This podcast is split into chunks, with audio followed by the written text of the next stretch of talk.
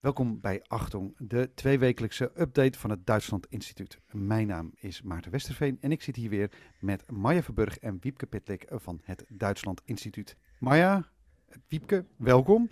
Hoe was jullie week? Uh, vijf meijerig.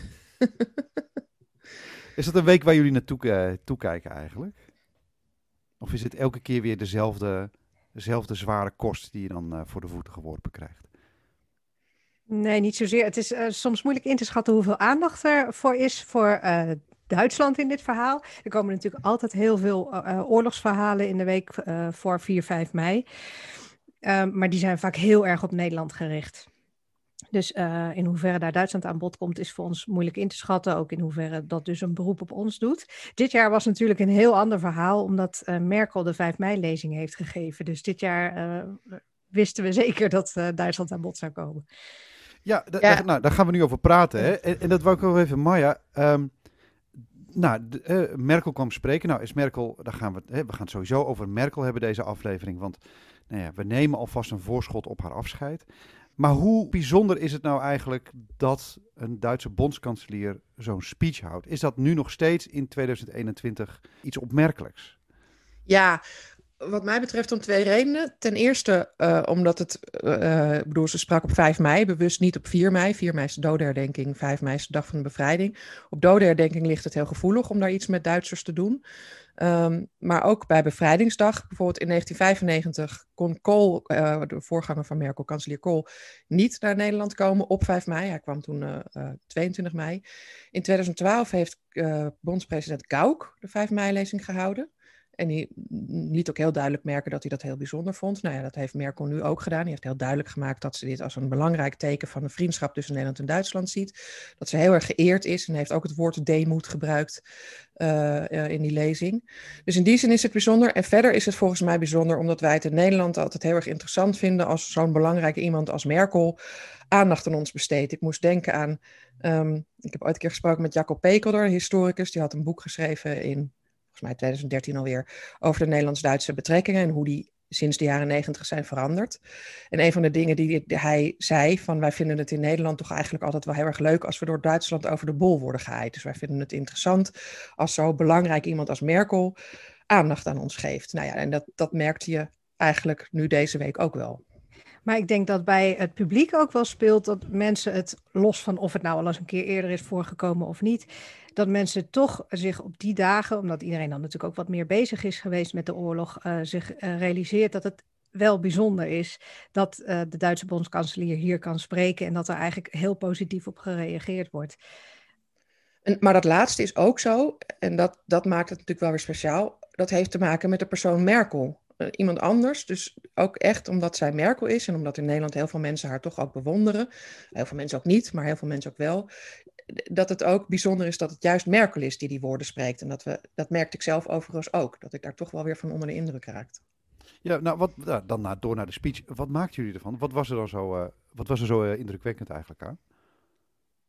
Nou ja, ik vond um, de, de, speech die ze, de, de toespraak die ze hield, was op zich niet heel erg verrassend. Ze zeiden dingen die je wel verwachtte. En ze zei bovendien dingen die ze. Bedoel, wij bij Duitsland Web houden natuurlijk al heel erg lang uh, Merkel in de gaten, maar ook gewoon de Duitse omgang met het oorlogsverleden. Of hoe Duitsland zich verantwoordelijk voelt voor, dat zei ze nu natuurlijk ook, voor dat de, de, de herinnering aan de nazi-misdaden leven moeten worden gehouden. En dat Duitsland ervoor moet zorgen dat dat nooit weer gebeurt. Dat is iets, wat Merkel al zo vaak gezegd heeft, dat we haar zo vaak in verschillende contexten, als ze naar Israël ging, een paar jaar geleden bezocht ze Auschwitz. Uh, eigenlijk bij elke gelegenheid zegt ze dat. Dus het is eigenlijk helemaal niet nieuw. En toch merkte ik toen ik haar dat hoorde zeggen, ook omdat het natuurlijk in de Nederlandse context is, maar ook om, om hoe zij dat doet, ja, dat ik daar toch wel weer van onder de indruk raakte. Dat ik toch dacht van, goh, wat doet ze dat er goed en wat, wat is het ook belangrijk dat ze dat zegt en, en dat dat herhaald wordt en, uh, en dat ze dat ook hier zegt in Nederland. Ik weet niet ja, hoe jij daarnaar keek. Wiepke. Daar sluit ik me wel bij aan. Ik vond vooral ook de vorm verrassend. Met daarna dat uh, gesprek met studenten. Dat uh, schijnt zij zelf voorgesteld te hebben om dat op die manier te doen. En ze ging daar ook echt open in gesprek met die studenten. En dat vond ik echt dat ze daar ook weinig plat voor de mond. Maar vrij direct de vragen beantwoorden. En die vragen gingen over van alles en nog wat. En ja, ik vond dat een heel interessant gesprek opleveren.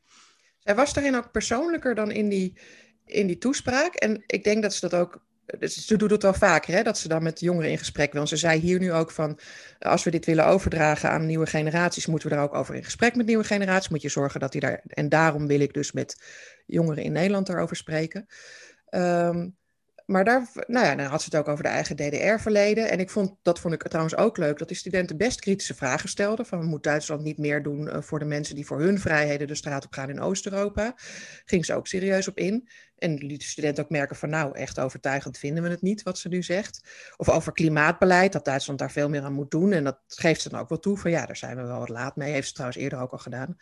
Daar kwam ze ook nog met nieuws overigens. Hè? Dat ja. het Duitse klimaatbeleid wordt aangescherpt. Dus dat was ook uh, leuk. Ja, maar dat moet hè. Het gerechtshof heeft net uitgesproken dat men te weinig doet. Ik bedoel, um, ze, ze, ze wordt er wel naartoe geschopt, eerlijk gezegd. Maar dat ze daar al gelijk een week later met een voorstel komen, dat geeft natuurlijk wel aan dat ze ook, uh, uh, dat ook belangrijk vinden. Ze heeft, eerder... Merkel heeft ook gezegd hè, dat ze het een goed oordeel vindt. Wat ik ook opmerkelijk vind. Want we hebben natuurlijk in Nederland een vergelijkbaar oordeel gehad, het Urgenda-oordeel. Nou, daar heeft toch iets minder enthousiast op gereageerd door de regeringen. Ja, en ze heeft ook al eerder gezegd, in gesprek met Greta Thunberg, maar ook met de Duitse Fridays for Future beweging, heeft ze ook toegegeven van ja, wij hebben daar toch veel laten liggen. Dan hadden we toch eerder dingen moeten doen. Merkel houdt er dit jaar mee op. dat is 15, bijna 16 jaar bondskanselierschap. En ik wil het graag met jullie hebben over nou, wat het nou heeft voorgesteld. Um, maar voordat we dat gaan doen, hoe trof Merkel Duitsland aan? In 2005? Aan wat voor klus begon ze eigenlijk? Merkel, eh, Merkel volgde Schreuder op. Uh, Schreuder is uh, opgestapt vanwege de hervormingen die hij. Schreuder was een SPD-kanselier. Die wilde economische hervormingen invoeren.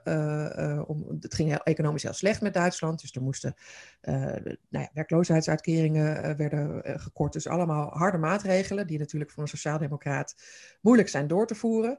Um, in, mede door die hervormingen uh, heeft hij, moest hij opstappen of zijn de verkiezingen verloren, eigenlijk min of meer daarna.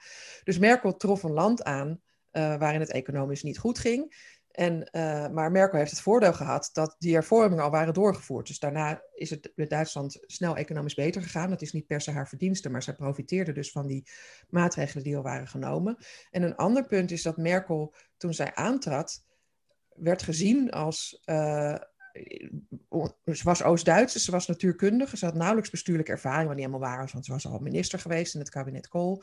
Maar toch een beetje van, ze heeft, vooral binnen de CDU, ze heeft helemaal niet onze partijschool uh, doorlopen. Ze weet niks van Europa als Oost-Duitse, dan moet ze als leider in Europa gaan optreden. Dus er was heel veel idee van, ze is onervaren, het is een vrouw.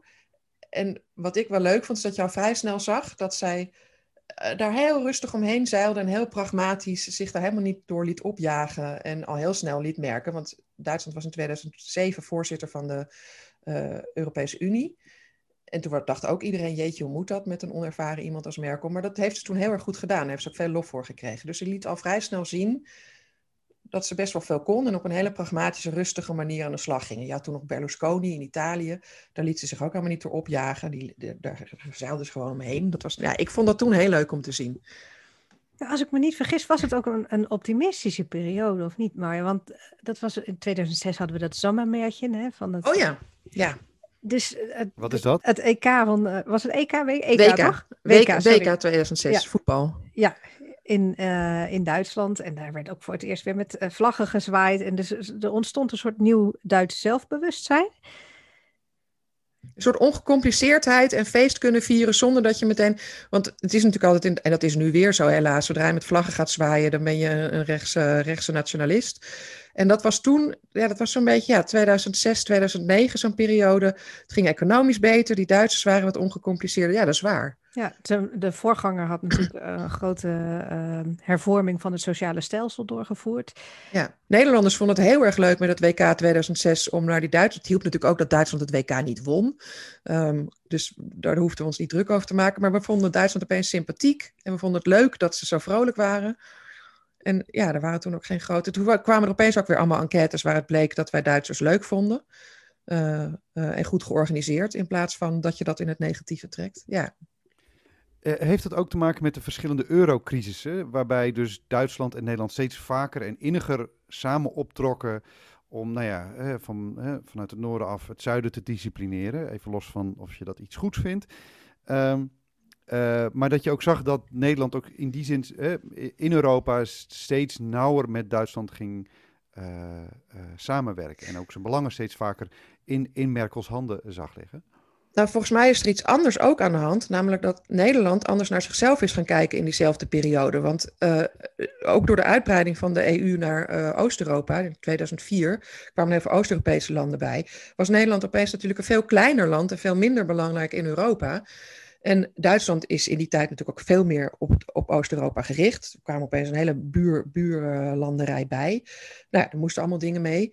En het is wel zo dat, uh, dat, dat Nederland zich uh, wat dat betreft, nou ja, dat Nederland wat, wat, wat misschien wat, wat uh, een minder belangrijke rol speelt en zich ook bij Duitsland ging aansluiten. Tegelijkertijd is al heel lang de kritiek, maar dat is misschien wat meer van de laatste jaren, dat Nederland zich juist niet bij Duitsland aansluit. Als we kijken naar um, dat coronanoodfonds vorig jaar, dat Nederland toen heel erg dwars lag. Uh, ja. Dat plan van Frankrijk en Duitsland om een coronanoodfonds in te richten voor ja, arme coronalanden, zeg maar, of noodlijdende coronalanden dat werd Nederland niet in dank afgenomen. Er waren hele harde commentaren in Duitse media. En daar heeft ook de minister van Financiën Scholz iets over gezegd. Van wat zijn jullie nou aan het doen? Ja, en ook dat Nederland natuurlijk zo'n clubje van kleine EU-landen bij elkaar uh, heeft uh, geraapt eigenlijk. De zeven dwergen. Ja. ja. In plaats van uh, dichter aan te haken bij Duitsland. Al 15 jaar werk je al met Merkel als materiaal, zo gezegd. heb je het idee dat je, die, dat je die persoon achter die functie ook beter hebt leren kennen? Ja, dat, dat, denk ik wel. Ze is natuurlijk niet iemand die van haar privéleven weten we heel weinig. Uh, afgezien van dat uh, jaarlijkse kiekje van haar zomervakantie, waarin ze uh, wandelt in de, ergens in de Alpen. Met haar man, die we dan ook dus bijna nooit zien, maar dan wel. Ja, ja. Dus privé niet zozeer, maar wel haar manier van werken. En ik heb er ook wel bewondering voor gekregen, moet ik zeggen, zo door de jaren heen. Ja. Um, er werd vaak gezegd natuurlijk over, er is ook een werkwoord voor, hè, merken dat was op een gegeven moment jongere woord van het jaar. En lang geleden alweer, hoor, 2015 of zo. En dat betekende eigenlijk um, een beetje aarzelend optreden. Dus geen beslissingen nemen, treuzelen. Dingen voor je uitschuiven. En, ja. ja. Ja, uh, en er wordt ook wel gezegd dat omdat ze natuurkundige is, dat ze zo werkt. Hè? Gewoon stap voor stap en niet in één keer al het eindresultaat in beeld hebben, maar gewoon stap voor stap een probleem afwerken. En um, ja, dat heeft natuurlijk als nadeel dat je nooit echt een hele grote visie hebt en het roer helemaal omgooit. Maar het voordeel is wel dat ze in crisissituaties een heel betrouwbaar iemand is die. Uh, ja, zo heeft ook, dat valt me ook altijd op. Ze heeft geen profileringsdrang persoonlijk. Ik bedoel, het moet een machtspolitica zijn, want anders blijf je niet zo lang overeind. En ze heeft ook uh, concurrentie, zeg maar, steeds uh, vakkundig aan de kant gewerkt. En ook in verkiezingscampagnes doet ze dat heel goed om gewoon de thema's van de tegenstander of plat te slaan of over te nemen. Of, dus dat kan ze allemaal heel goed. Maar je hebt altijd het gevoel dat ze dat niet voor haar eigen ego doet. Dat ze het eigenlijk voor de zaak doet. dat is wel echt een talent. Als je, ja. als, als je dat laten geloven, dan is er inderdaad sprake van een enorm talent. Dat, nee, maar uh... dat is dus, eh, volgens mij is het meer dan alleen laten geloven. Want een van de dingen, daar komen we waarschijnlijk zo ook nog wel op. Er is namelijk best wel veel kritiek op haar te leveren. En er zijn ook heel veel dingen die ik ook echt niet goed aan haar vind en die me ook wel storen.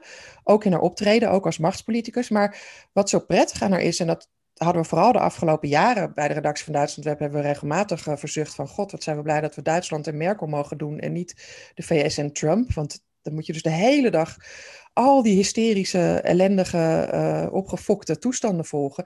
En het prettige aan Merkel is juist dat ze zo rustig en bedaard en pragmatisch en um, ja, dat je toch het idee hebt van, nou, er wordt in ieder geval een beetje rustig over nagedacht.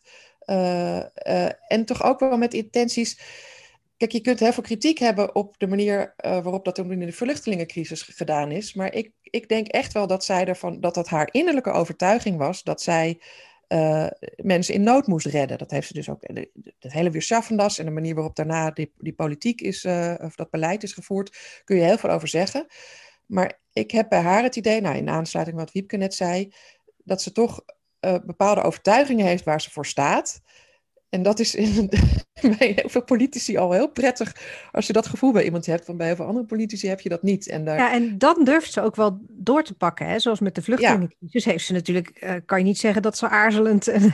Nou ja, de, de, eerst wel hoor, de eerste periode wel, de jaren daarvoor. Want die vluchtelingencrisis kwam natuurlijk niet uit de lucht gevallen. Maar op het moment dat, er, dat het er toe deed, heeft ze uh, wel gehandeld. En dat was op een ander moment ook zo, want jij zei net, Wiepke, dat merken. En, en dat is ook zo. Ze, ze doet alles stapje voor stapje en rustig. Maar twee momenten, die vluchtelingencrisis en eerder die energiewende. Dus in 2011, na de kernramp in Fukushima in Japan toen is Duitsland opeens overgestapt op duurzame energie. Toen heeft ze heel snel, dat was echt ook haar initiatief, gezegd: Oké, nu moeten we van die kernenergie af. We moeten de kerncentrale sluiten. We moeten sneller overgaan op duurzame energie. Dat had ze net daarvoor juist verlangzaamd. Maar dat, werd dus, dat heeft ze toen teruggedraaid. Heeft ze ook helemaal niet overlegd met andere landen. Die waren er ook helemaal niet zo blij mee. Maar dat zijn twee eigenlijk hele atypische momenten van Merkel. Waarin ze, ja, waarin ze dus opeens het initiatief naar zich toe uh, trok. En, en, en een vrij acuut uh, besluit nam. Hebben jullie een beetje het idee gehad dat jullie nou ja, ik vroeg net of jullie haar nu hebben leren kennen in die 15 jaar. Maar hoe zitten haar instincten dan in elkaar, haar politieke instincten? wat maakt dus dat ze dat soort keuzes dan doet en anderen bijvoorbeeld dan heel, heel voorzichtig maakt? Ik denk dat zij, uh, want Wiepke zei net, ze is, ze, is, ze is, is, is, natuurlijk wel degelijk een machtspoliticus, maar ze heeft geen last van haantjesgedrag. Dus het zit niet op haar persoonlijke uh, punt. En dat is al een groot voordeel, want dat scheelt een hele hoop energie en, en toestanden waar je je anders mee bezig moet houden. Um, ik, als, die, ik denk dat je, tenminste voor mijn gevoel is er een verschil in hoe ze internationaal optreedt en wat ze binnen Duitsland doet. Want als je kijkt naar wat er in Duitsland dan gebeurt, vind ik dat er best wel veel kritiek op haar te leveren is de afgelopen 15 jaar. Er zijn toch een hele hoop problemen die zijn blijven liggen, waar ze misschien toch meer energie in had moeten steken. En in die zin um, denk ik dat het wel een nadeel is dat ze zoveel laat lopen of denkt van, nou ja, ja, ik vind het, het, is. In die zin vind ik haar lastig te, te duiden. Ik vind... Ja, wat ik ook ingewikkeld vind is uh, de, de banden met de industrie of de rol van de industrie in de Duitse politiek. Want dat is natuurlijk in haar partij, CDU, eh, ja, dat is echt de partij die ook voor de industriebelangen opkomt.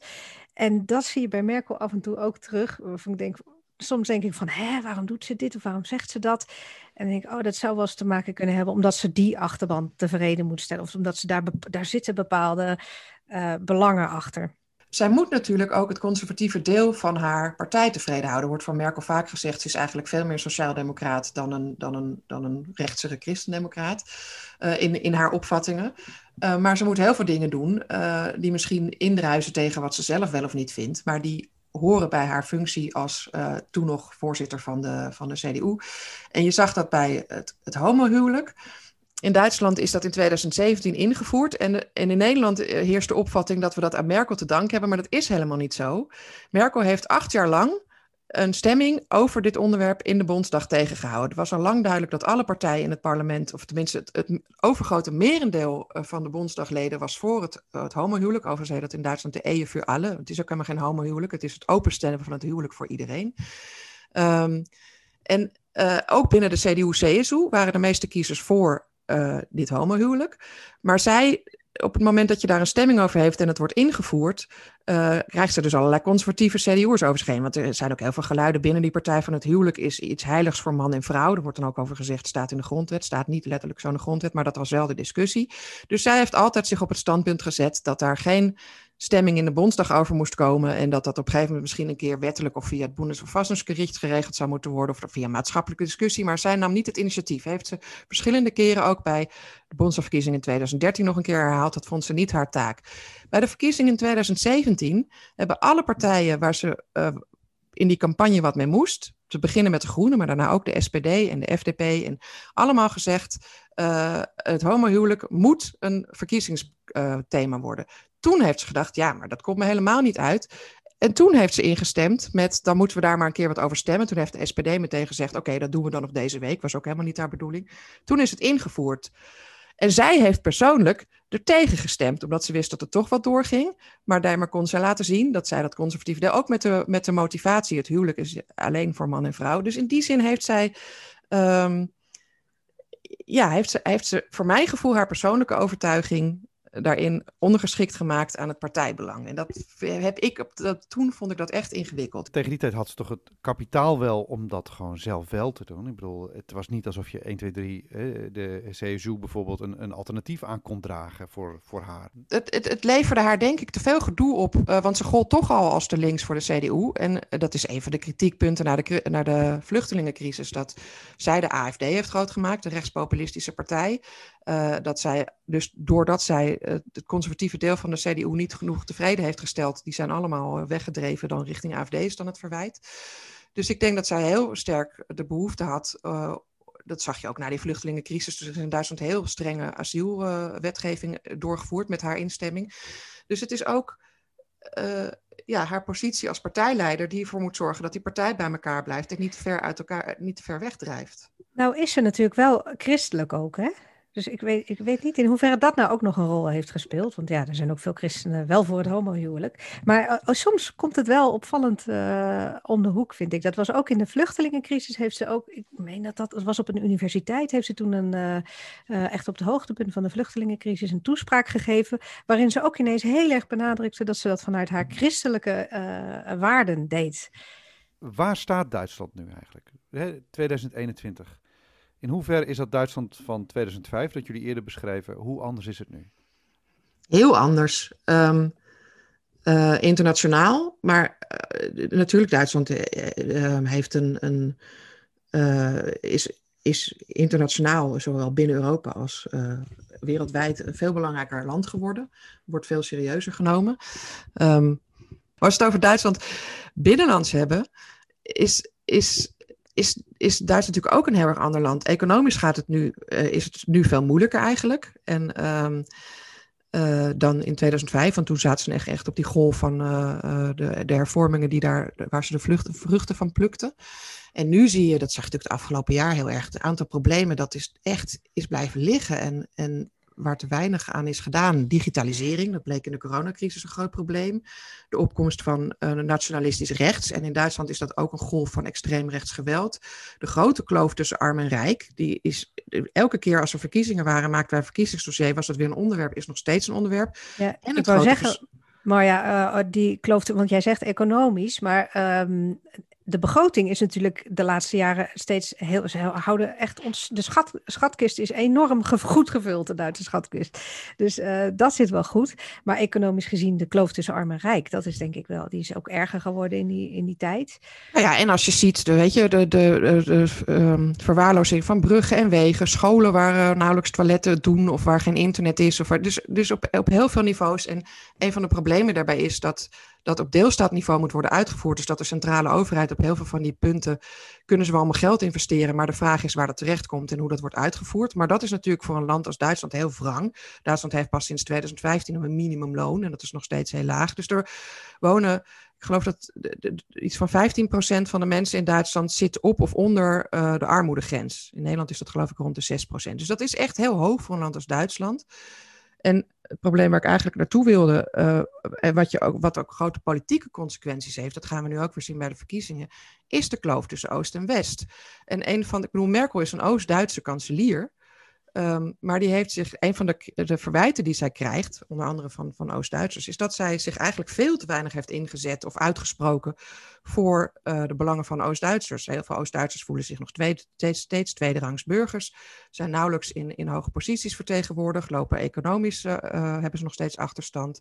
Dus er zijn grote problemen tussen Oost- en West-Duitsland. Dat vertaalt zich ook in verkiezingsuitslagen. Dus in Oost-Duitsland is echt een andere politieke realiteit dan in West-Duitsland. En dat is een van de verwijten die haar wel wordt gemaakt, dat zij zich er eigenlijk niet, niet echt voor heeft ingezet. Haar verdiensten, nou, die zijn niet allemaal haar verdiensten. Hè? Dat zijn ook de verdiensten van de hoogconjunctuur bijvoorbeeld. Geldt dat ook voor dit soort falen? Ja. In hoeverre had een andere kanselier hier wezenlijk meer kunnen doen? Nou, als je kijkt naar de opkomst van rechtspopulisme, dat zie je natuurlijk in heel Europa. Dat is niet iets wat Merkel uh, persoonlijk uh, voor gezorgd heeft. Wat mij wel verbaasd heeft toen met die vluchtelingencrisis, Ehm, toen heeft de SPD, de regeringspartner van Merkel, Merkel-CDU, gezegd: we moeten ervoor zorgen dat mensen die het in Duitsland slecht hebben, en dat zijn er dus veel, dat we daar wat meer voor gaan doen. Want het is vragen om, om problemen als er dan een hele grote groep nieuwkomers komt die het economisch ook moeilijk hebben. Uh, ja, en dat heb je dus ook gezien dat dat gebeurde. En dat is eigenlijk niet echt opgepakt. Daar werd de CDU een beetje van ja, SPD, die moeten niet zo moeilijk doen. Er zijn nog andere thema's belangrijker. Dus je kunt dat deels politiek iemand verwijten, deels ook niet. En het is ook niet alleen Merkel, we het net al over. Veel beleid is ook gewoon deelstaatbeleid.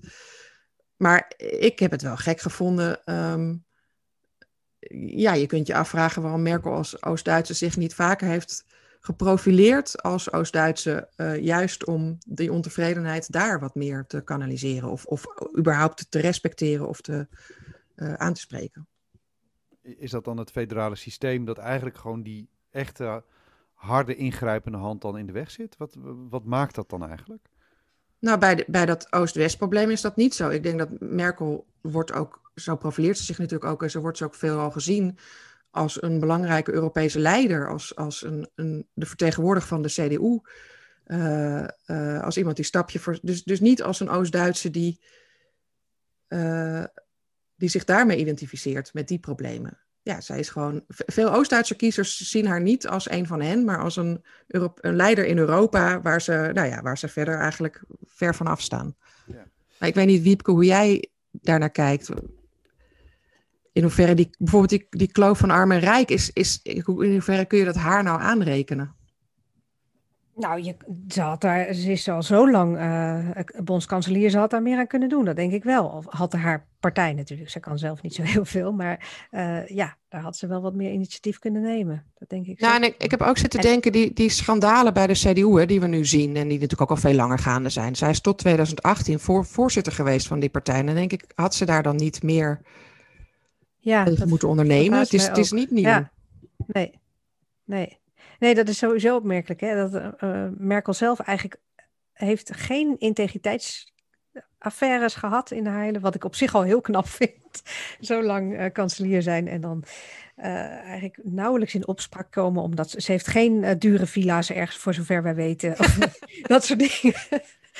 En, uh, maar in haar partij zijn er wel veel van dat soort affaires. En dan denk je ook, ja, daar speelt zij toch een rol in. Hey, zou je kunnen zeggen dat, dat Merkel zichzelf vooral als een soort beheerder van stabiliteit zag? En boven alles dat het doel was van haar bondskanselierschap. Gewoon de dingen gaande te blijven houden. En um, misschien zag ze ook wel niet haar, het als haar taak om alles op te lossen. Maar om gewoon de dingen gaande te houden. In de hoop misschien ook dat er later een oplossing is voor dingen waar ze nu geen oplossing voor heeft. Ja, alles oplossen kan natuurlijk sowieso niet. En, en er is wel vaak gezegd van Merkel heeft goed op de winkel gepast. Uh, maar dat vind ik ook weer niet helemaal terecht. Want wat we al zeiden, die energiewende en die vluchtelingencrisis heeft ze veel meer gedaan. En juist ook wat Wiepke eerder al noemde, haar, haar betrokkenheid bij de democratie, dat willen beschermen en die stabiel willen houden. Dat is wel echt haar aanliegen, zeg maar. Dat is niet alleen maar op de winkel willen passen. Dat is ook echt ervoor zorgen dat, en ik denk dat dat, dat als we, het is ook maar speculeren, maar dat, dat dat haar persoonlijk misschien wel raakt. Het feit dat het in Duitsland op dit moment met de democratie op een aantal punten helemaal niet zo goed gaat. De opkomst van de AFD, het steeds verdere uh, verlies van vertrouwen bij heel veel mensen in de democratie en de rechtsstaat. Extreem rechtsgeweld, het ondermijnen van uh, uh, ja, groepen in de samenleving, discriminatie daarvan. Ik denk dat dat echt wel haar, dat is niet alleen op de winkel passen. Nee. En ook uh, in Europees verband, hè, de, de Europese desintegratie. Ik denk dat dat er ook dat er echt uh, ja, een hersensaanliegen is om Europa bij elkaar te houden. En daar heeft ook heel veel voor betekend, denk ik. Ik, ja. ik moet een beetje denken aan uh, de woorden van Gary Young, een, een Britse wetenschapper en journalist. En die schreef bij het afscheid van een andere liberale held, Obama, daar deed hij ook een soort overzicht. En dat overzicht komt eigenlijk wel ook enigszins overeen met wat we hier hebben besproken. Enerzijds rust, stabiliteit, gebrek aan drama, gebrek aan schandalen, een grote voorliefde voor de orde. Maar tegelijkertijd ook het onvermogen om al die destructieve krachten nou, echt, echt in te perken en in te dammen. En hij sloot dat overzicht over met de woorden uh, dat als de allerbeste optie nog steeds onvoldoende is, dan is het systeem per definitie in crisis. Maar dat is toch ook zo? Dat is toch ook helemaal niet. Democratie is niet perfect. De Europese Unie is helemaal niet perfect. En er zijn toen, toen die Oost-Europese landen erbij kwamen, had er misschien toch op een aantal punten wat meer gedaan moeten worden om te zorgen dat dat nou ja, niet zo nu uiteendrijft als dat. Dat is niet nieuw. Dat, dat, is ook zo. Er zitten weeffouten en systeemfouten in. En uh, dat, krijgt, dat krijgt niemand recht. nee, dat is waar. Je kunt eigenlijk al zeggen dat wie haar ook opvolgt, die zal daar ook geen verandering in kunnen brengen. Nee, hopelijk wordt het ook niet heel veel erger. Dat, ja, dat ben ik, nou, dat, laten we dat inderdaad ook maar hopen. Denk je dat hij, denk je, nee, uh, ik vind het, denk je dat die, dat die opvolgers hier zich ook al, de, uh, uh, Lachey en zijn haar aanstaande eventuele opvolgers, zijn die hier, nou ja, zijn die hier al mee bezig, denk je? Met, met, ja. Nou, Wat ik uh, altijd mooi vind bij, in de Duitse politiek is dat welke politicus ook het woord neemt, uh, ze kunnen prachtig het belang van de democratie benadrukken en het belang van uh, de rechtspopulistische krachten terugdringen in de samenleving. De, ja. Het belang van wat in Duitsland dan samenhalt heet. Dus dat, ja. we, dat, dat, je, dat je in de maatschappij, nou, dat wat Merkel ook op 5 mei zei, vrijheid is niet alleen individuele vrijheid, dat heb je ook in betrekking tot andere mensen. Dat is iets uh, dat je bij heel veel van die politici ziet. En verder kun je zeggen, ze hebben niet Merkels ervaring, maar dat had Merkel ook niet toen ze begon. Dus daar groeien ze wel in. Ook in Europa. Eigenlijk, ik, ik sprak met uh, nou, jullie collega Hanko uh, over, uh, over nou ja, Hanko is overal terechtgekomen, Nieuwsuur, staat in, stond in zowel Trouw als NRC. Um, en ik vroeg hem over die functie van, van het bondskanselierschap in het buitenland. Want in het hè, binnenland, dat hebben we nu ook al duidelijk beschreven, zijn allerlei belemmeringen en beperkingen die, hè, die een volgende bondskanselier ook tegen gaat komen. Maar ik vroeg hem ook naar hoe, uh, of Merkel eigenlijk dat ja, het bondskanselierschap naar het, in, het buitenland uh, een, een andere rol heeft gegeven. En uh, nou, dat ga ik nu eventjes, daar ga je nu naar luisteren. Ja, dat is interessant. Voor het buitenland wordt mij vaak, vaak gevraagd van, laat ze niet een machtsvacuum na, hè, want als ze dan weg is, dan is haar positie in Europa ook weg. Dat geloof ik dus niet, want ik geloof dat zij juist veel uh, ja, zeg maar cultureel kapitaal heeft opgebouwd voor Duitsland. En de Duitse positie in Europa toch belangrijker geworden is. Bij iedere crisis kijkt men weer toch met een schuin oog van wat wil Merkel of wat wil de bondskanselier. En ik geloof dat de nieuwe bondskanselier daar gebruik van kan maken, inderdaad. En dat dit eigenlijk, die nieuwe bondskanselier zal zich uh, willen profileren en zal dus ook ja, toch uh, in, in, in de positie van Duitsland kruipen, zeg maar, uh, op het wereldtoneel. En ja, mijn overtuiging is toch echt dat sinds 2005 Duitsland wat belangrijker geworden is. En dat dus ook een nieuwe bondskanselier eigenlijk wat dat betreft met meer uh, prestige in het ambt uh, ook internationaal zich kan manifesteren. En ook dat zal willen, want elke bondskans, nieuwe bondskanselier wordt vergeleken met uh, de vorige. En heeft dus een ja, zware job, want vergelijking met Merkel is lastig natuurlijk. met name omdat haar statuur de laatste jaren zo gegroeid is. zal het de, de, de nieuwe bondskanselier altijd het gevoel hebben van oh oh als ik maar niet afgerekend word als een uh, lulletje rozenwater, zeg maar. Uh, in vergelijking met uh, deze grote mevrouw. Nee, ja, ja, ja, dat, dat, dat is zo. En, en ik heb groot respect voor hoe Merkel toen die Oekraïne-crisis is ingegaan. Ze heeft toen binnen een week is ze echt de hele wereld rondgereisd om in de Verenigde Staten, in Canada, uh, in Rusland. Uh, er was er nog een, een top met Frankrijk uh, in Minsk, met Frankrijk, Rusland, over Oekraïne. Dus de, dat was in 2014, 2015. Toen had Rusland de Krim geannexeerd. en in Oost-Oekraïne waren veel onlusten. En, en Merkel, dat is echt Merkels persoonlijke verdienste hoe zij daar toen is opgetreden, dat het niet verder geëscaleerd is. Uh, ik bedoel, het gaat nog steeds niet goed, dus je kunt, nog, je, kunt je afvragen wat, wat we bedoel, het is nog steeds wel een probleem. Maar zij heeft daar toen een hele belangrijke rol in gespeeld. En dat is echt, ja, de, mede daardoor zijn we in, en natuurlijk ook door de economische crisis, hoe ze daar, de eurocrisis, hoe ze is opgetreden. Maar daardoor zijn we in Nederland ook naar haar gaan kijken van, goh, ja. dit is wel echt een wereldleider. En Duitsland heeft natuurlijk ook echt aangekondigd dat ze een andere rol willen gaan spelen, ook met het Duitse leger. En dus dat is uh, niet alleen Merkels beleid, dat is ook echt regeringsbeleid geweest. Uh, om, om een wat actievere houding op het internationale toneel uh, te krijgen. En dat zal een opvolger, moet die handschoen oppakken. Ik bedoel, die, die moet daarmee verder. Het is ook inderdaad de, de, militaire inzet van, van Duitsland in, in, in, in conflictgebieden. En wat ik ook heel opvallend vond, dat is ook typisch Merkel. Dus na de vluchtelingencrisis, of tijdens de vluchtelingencrisis, uh, op een gegeven moment kwam die Turkije-deal, waarmee minder vluchtelingen naar Duitsland kwamen. Wat Merkel ook gedaan heeft, is naar allerlei Afrikaanse landen gegaan om daar afspraken te maken met Afrikaanse landen om ervoor te zorgen dat minder vluchtelingen uit Afrika naar Europa kwamen. Dus uh, A, dat ze vluchtelingen terug zouden nemen, of vluchtelingen van mensen die niet zouden mogen blijven volgens Europese uh, asielwet, dat die teruggenomen worden. Maar ook afspraken van we investeren geld zodat jullie mensen het daar beter hebben, zodat ze niet gaan vluchten. Dat zijn dat is in Nederland eigenlijk helemaal niet zo heel erg veel gezien. Maar zij is in heel veel Afrikaanse landen geweest, uh, 2016, 2017. En ze benadrukt dat zelf ook niet, hè? want in de 5 mei-lezing ging het daar ook even over. Dan vertelt ze wel over die uh, vluchtelingendeal van Turkije. Maar dat ze daar zelf zo'n belangrijke rol in speelt. En dat ze zelf echt uh, daar heel veel moeite voor doet om al die landen te bezoeken. En uh, als je haar reisschema af en toe ziet, dat is echt spectaculair dat een mens dat volhoudt.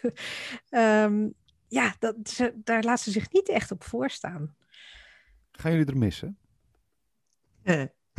ja, nou ja, uh, ja in de zin van, uh, nou, waar we het net over hadden, dat, dat het een, een, een, een soort rust en stabiliteit en, en pragmatisme heeft, wat heel fijn is in een, in een wereld die chaotisch is. Nou, inmiddels is het in de Verenigde Staten allemaal iets rustiger, dus in die zin is het ook wat minder opgefokt voor mijn gevoel. Um, tegelijkertijd denk ik dat het ook wel echt goed is dat er dat die, dat die deken die Merkel toch ook wel gevormd heeft de afgelopen jaren, zeker in Duitsland zelf, dat die weggaat en dat er nieuwe mensen komen. Dat denk ik ook. En wie weet in welke rol we haar nog af en toe gaan zien. Hè? Uh...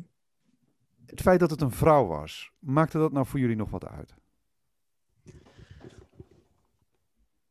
Voor ons, ik weet het niet. Het, het, het maakt wel uit dat het een vrouw is. Ik denk dat het. Uh, wat ik mooi vind aan Merkel is dat ze wel, ja, uh, ik had het daar met Marja van de Week ook over. Of zij nou een vorm van vrouwelijk leiderschap toch heeft vormgegeven. Wat niet is.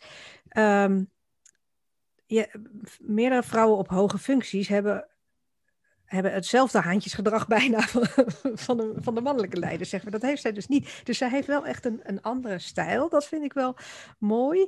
Maar is dat um, omdat ze vrouw is? Want je hebt ook genoeg mannelijke politici die... Nou, ik weet nu even geen voorbeeld, maar er zijn ook mannelijke politici die geen haantjesgedrag Zeker, vertonen. dat is natuurlijk helemaal niet uh, zo zwart-wit dat het alleen maar... Uh, ik kan heel weinig met de term vrouwelijk leiderschap. Ik, ik, heb daar... Ja, ik weet dat niet zo goed. Nou, ik vraag me dat wel af of dat niet daarmee te maken heeft dat ze vrouw is. Ze heeft zelf... Uh, nou ja, je ziet het natuurlijk ook aan haar werkuniform uniform. Hè. Ze wil niet dat het over haar uiterlijk gaat, bijvoorbeeld. Uh, daarom kiest ze voor een soort uniformachtige uh, uh, uiterlijk. Jasje en haar, gewoon altijd hetzelfde. Ja. Ja, ja. En, de, en zij heeft dat ook voor elkaar gekregen, dat het niet over haar vrouw zijn gaat. En dat, ja, ja ik vind dat wel. Terwijl ik moet wel zeggen, als er nou één beeld voor mij is dat, dat haar nou ja, dat in zekere zin haar, haar, haar imago heeft bepaald, dan is het dat wel van haar reactie op het moment dat George Bush haar even zo'n terloopse schoudermassage geeft. Maar die blik van puur ongemak. Ik heb altijd het idee gehad dat dat beeld haar ook geholpen heeft. Van hier is de enige volwassene in de ruimte. En hoe heeft dat met haar vrouw zijn te maken, dat ze als de enige volwassene... Ja, of heeft nou, dat meer met die mannen te maken die dan gek doen? Nou ja, het is altijd, ik denk, dat is, het, is, het is beide. Maar ik denk ook dat het in een zekere zin haar talent is geweest om dus om dus die, nou ja, die, die varkensachtigheid van dat soort mannen, en Berlusconi natuurlijk ook, in haar voordeel te laten werken. Hè, het is ja. juist ook, eh, natuurlijk heeft ze niet alleen dat soort mannen uh, uh, om zich heen. Ja, maar dat gehad. is dan toch veel meer het probleem van die mannen die haar dan dus een vrouw maken. Dan het dat was zij verwijt zich dat ze een vrouw was. het was meer gewoon, of dat, ik, vroeg me sowieso of het voor jullie wat uitmaakt. Gewoon of, je, Ja. of dat maakt dat je misschien anders naar haar kijkt. Of misschien zelfs, een, eh, misschien voel je wel enige solidariteit. Zou toch niet zo raar zijn? Ehm, maar eh, ja, en, maar dat beeld, in ieder geval voor mij was dat altijd. Ik heb ook altijd het idee gehad dat, dat ze heel goed is geweest om haar eigen horkerigheid en haar, eh, haar het gevoel van ik ben de enige hè, vrouw in dit soort gezelschappen. Dat heeft ze ook altijd in mijn ogen altijd weten te. Heeft ze weten inzetten. Ja, ja. Dat- ik denk dat dat zo is, maar ik heb dan, ik zie dan meer hoe, hoe die mannen zich als mannen gedragen. En nou ja, toen zij begonnen hadden we natuurlijk nog helemaal niks met MeToo en dat soort dingen. Dus daar, daar, daar is de afgelopen jaren heel erg veel in veranderd, in hoe mannen zich opstellen en, en ook hoe vrouwen daar. Dan dat zij daar zich als vrouw maar dit is wel waar. Zij heeft het natuurlijk wel. Zij weet ook wel dat, dat dat beeld naar buiten komt dat die mannen er dan raar uitzien als zij zo rustig is. Maar het is ook een beetje, daar hadden wij het gisteren nog over, Wiepke.